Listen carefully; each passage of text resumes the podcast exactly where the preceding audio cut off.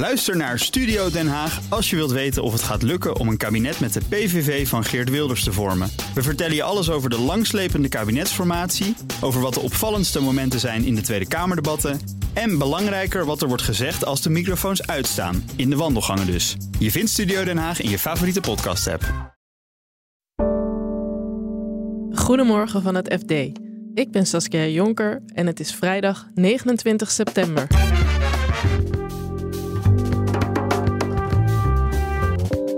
Oud-Jumbo-topman Frits van Eert is voor de rechter gedaagd. hele dure Mercedes, een klassieke uit 1957, heeft ze eh, gekocht van hem, maar nooit betaald. De NAM draait de Groningse gaskraan dit weekend dicht. Maar het is nog maar de vraag wanneer het bedrijf ophoudt te bestaan.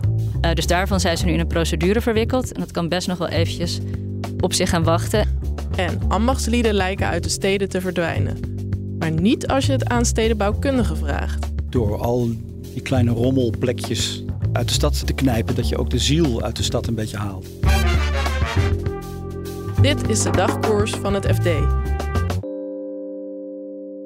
Oud-topman Frits van Eert van Jumbo moet binnenkort voor de rechter verschijnen.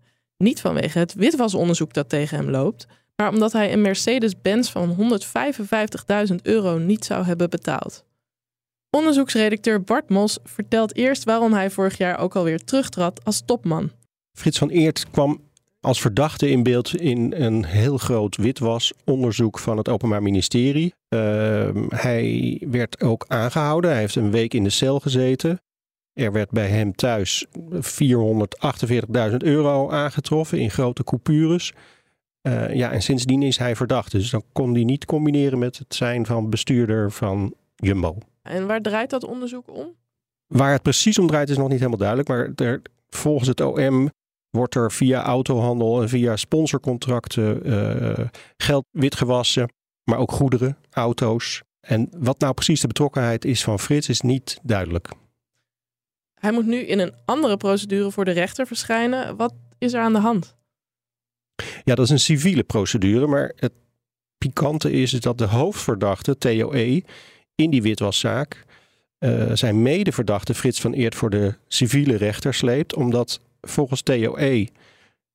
Frits een hele dure Mercedes, een klassieke Mercedes-Benz SL uit 1957 heeft uh, gekocht van hem, maar nooit betaald. En dat is niet een heel goedkope auto. 155.000 euro uh, schrijven jullie. Wat zegt de advocaat van Van Eert daarop? De advocaat van Van Eert, Robert Jonk, die zegt nou, er is niks aan de hand. Want die rekening is gewoon betaald. Mijn cliënt betaalt zijn rekening altijd dezelfde dag. Of desnoods de dag daarna. Maar er is geen enkele reden om deze rekening niet betaald te hebben. Dus is die ook betaald. Ja, je zou denken, dan ben je er toch zo uit. Want je kan een bankafschrift laten zien. Dat is ook de vraag die ik gesteld heb aan de advocaat van uh, Frits van Eert. Uh, maar die wilde daar niet op reageren. Toen heb ik ook de vraag gesteld: is er dan misschien cash afgerekend? En ook daar wilde hij niet op reageren. Maar de advocaat van Theo E. zegt dat er helemaal niet betaald is en dat er daarom nu een rechtszaak komt. Wat voor een invloed kan deze zaak dan weer hebben op dat grotere witwasonderzoek? Nou, je weet nooit welke konijnen er uit de hoge hoed komen bij zo'n civiele zaak. De TOE kan natuurlijk van alles gaan beweren in die procedure. En dat kan heel nadelig voor Frits van Eert uitpakken. Maar die rechtszaak die gaat pas volgende maand spelen. Dus dat is op dit moment nog niet duidelijk. En wat, uh, wanneer verwachten we wat in dat witwasonderzoek? Wanneer speelt daar iets uh, meer? De OM heeft aangegeven dat er eind dit jaar mogelijk een beslissing genomen gaat worden over wie er vervolgd gaat uh, worden in dat onderzoek. Er zijn afgelopen jaar tien personen als verdachte gehoord. Het is niet duidelijk wie daar allemaal van vervolgd gaan worden. Zeer waarschijnlijk wel de hoofdverdachte, dat is dus TOE. Maar of Frits van Eert ook vervolgd wordt, dat is dus nog niet zeker.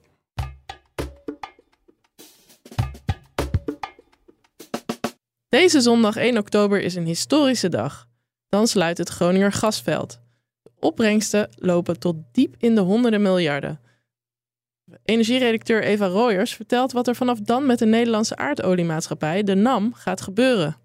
Ja, ze blijven dan wel eigenaar van uh, dat Groningerveld. En dat betekent dat ze nog een enorme operatie hebben aan het, uh, het dichten van allerlei putten. In het jaarverslag van 2022 stond dat ze dat jaar hadden ze er 44 van de 350 gedicht. Dus ze hebben er nog heel wat te gaan. Ze hebben ook nog heel wat herstelbetalingen te doen om uh, Groningers te compenseren. En daarnaast hebben ze ook nog een heleboel kleine gasvelden op land en in de Noordzee. En daar willen ze van af. Daarvan hebben ze twee jaar geleden, toen bekend werd dat Groningen dicht zou gaan, dat ze die gaan verkopen. Die splitten ze op in vier BV's. En die gaan ze proberen te slijten. En lukt dat dan een beetje? Zijn ze echt daar al mee bezig? Ja, er is één BV echt al opgericht. En daar zitten de gasvelden in de Noordzee in. En dat zijn ook gelijk de meest aantrekkelijke veldenverkopers. In de eerste plaats omdat er echt nog wel redelijk wat gas in zit. En op de tweede plaats omdat het kabinet ook echt beleid heeft om de gasproductie uit de Noordzee te stimuleren. Uh, om minder afhankelijk te worden van buitenlands gas. Dus daar hoor je dat er nog wel animo over is. Bloomberg schreef dat een Canadese partij, een kleine speler, bijvoorbeeld nu in onderhandelingen is met de NAM om die velden te kopen. De andere velden op land, daarvan is echt zeer de vraag of het gaat lukken om die te verkopen. Uh, en wat gebeurt er dan met die velden? Die blijven dan dus on, ontgonnen? Ja, eh, nou sowieso zit er op het moment dat je begint met gaspompen uit zo'n veld, naarmate elk jaar voordat komt er minder, minder gas uit zo'n veld. Dus heel veel gas zit, ja, dat gas blijft dan waarschijnlijk in die velden zitten. Of de NAM, die haalt dat er nog uit. Maar de NAM wil op een gegeven moment denk ik ook wel gewoon ophouden te bestaan. Dus dan kan het ook zijn dat die bijvoorbeeld uh, gedicht moeten worden. En is de NAM niet ook nog druk bezig met het afwikkelen van de aardbevingsschade? Jazeker, tenminste daarvan zijn ze nu in een uh, juridische procedure verwikkeld met uh, de staat. Want uh, ze vonden dat ze allemaal uh, rekening kregen van, waarvan onduidelijk was of die überhaupt wel door de aardbeving kwam of stadsherstelprojecten. En daarvan zeiden ze ja, wij willen best de schade vergoeden die echt komt door de aardbeving in Groningen, maar niet voor allerhande rekeningen. We willen geen blanco cheque, zeg maar. dus daarvan zijn ze nu in een procedure verwikkeld. En dat kan best nog wel eventjes op zich gaan wachten. En tegelijkertijd zijn ze met de staat aan het onderhandelen over: oké, wij moesten veel eerder dicht en er zit nog heel veel gas. Daarvoor willen ze gecompenseerd worden. Uh, maar goed, de relatie tussen de staat en de NAM is niet optimaal meer. Dus dat maakt het allemaal niet makkelijker op.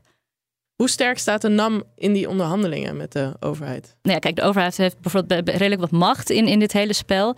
Uh, maar de NAM heeft één hele belangrijke troefkaart. En dat is dat ze ook nog twee gasopslagen hebben waarvan Norg de grootste is. Dat is een enorme gasopslag, de grootste van Nederland. En die zijn super belangrijk geworden sinds de oorlog met Oekraïne en het stoppen van Groningen. Want vroeger konden we in de winter, als we te weinig gas hadden, nou, Groningen even wat harder aan. Of we vroegen Rusland om wat meer gas te leveren. Nou, dat kan niet meer. Die gasopslagen zijn heel belangrijk geworden. Die vullen we in de zomer, zodat we in de winter, als de prijzen heel hoog zijn of als er tekorten zijn, kunnen we die leeghalen. Nu heeft de NAM heel kort geleden gezegd: Weet je wat, wij willen Noord willen wij leeg gaan pompen. En niet alleen het gas dat erin zit, maar ook het kussengas noemen ze dat. Dat is nodig om de druk in het veld te houden, willen we er ook uithalen. En dan verliest dat veld helemaal zijn opslagfunctie. Ja, dat is voor de staat zeg maar onacceptabel op dit moment. Ze moeten officieel nog met een reactie komen, maar dat kan je wel op je vingers natellen. En dat is dus een troefkaart in die onderhandelingen, zeggen ook experts, die NAM nu in handen heeft. Steden kennen nauwelijks meer rafelranden of informele plekken waar ondernemers aan de slag kunnen. Algemeen verslaggever Rob de Langer ziet dat stadsbesturen steeds vaker proberen om meubelmakers en andere ambachtslieden in de stad te houden. Maar eerst legt hij uit waarom ze eigenlijk zijn weggegaan. Nou, dat heeft vooral te maken met dat er tegenwoordig, eh, sinds lange tijd natuurlijk al, eigenlijk een gevecht is om iedere vierkante meter. En dat is weer ingegeven door de grote woningnood en zoals iedereen weet natuurlijk dat die, de, de vastgoedprijzen ook gigantisch gestegen zijn. Dus dan is het voor gemeentebesturen natuurlijk aanlokkelijker om uh, woningen te bouwen in plaats van bedrijven te behouden. Stadsbesturen die, die zeggen van ja, we willen die eigenlijk toch behouden. Waarom willen ze dat in, in zo'n centrum? Nou, we hebben, dat is echt interessant, omdat we hebben met heel veel uh, jonge stedenbouwkundigen en planologen gesproken. En die wijzen erop dat je door al die kleine rommelplekjes uit de stad te knijpen, dat je ook de ziel uit de stad een beetje haalt. Gemeentebesturen hebben daar wel uh, oor naar en die proberen ook nu echt wel ook te kijken of je dat wat beter in balans met elkaar kunt brengen. En er zijn dus stadsbesturen die echt wel er iets aan doen. Ja, ja. we hebben gesproken met een aantal uh, projecten, bijvoorbeeld in de Amsterdamse Pijp, waar de, die, die kleine maakindustrie uh, zich verenigd heeft. En ook echt met behulp van de gemeente proberen, te, proberen ze wat aan te doen. Wat doet de gemeente daar?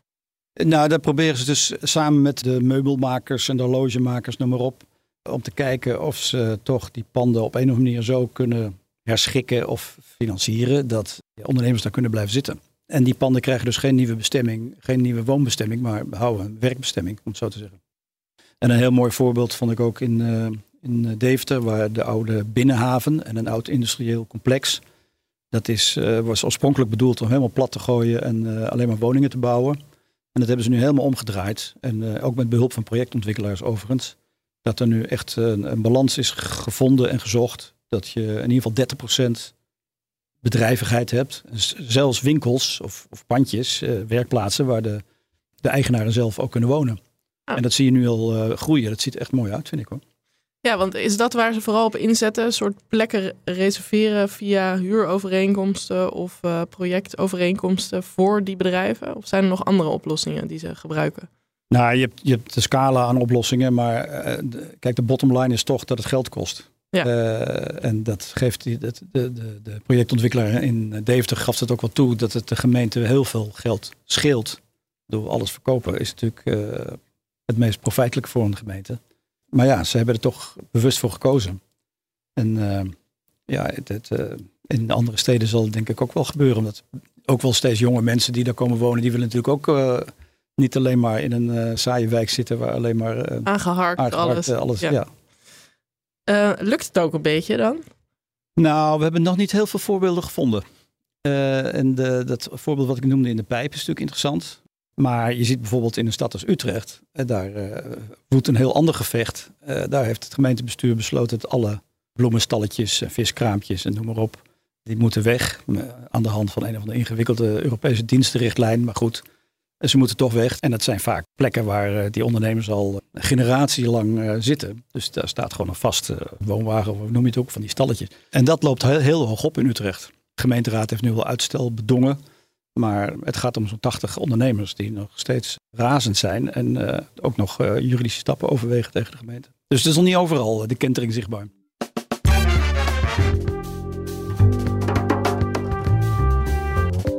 Dit was de dagkoers van het FD. Het laatste financieel-economische nieuws vind je in onze app en op de website fd.nl. Maandag is er een nieuwe dagkoers. En morgen verschijnt ook in deze feed een nieuwe aflevering van Toegevoegde Waarde. Dit keer over de woningmarkt. Nog een hele fijne dag en graag tot maandag.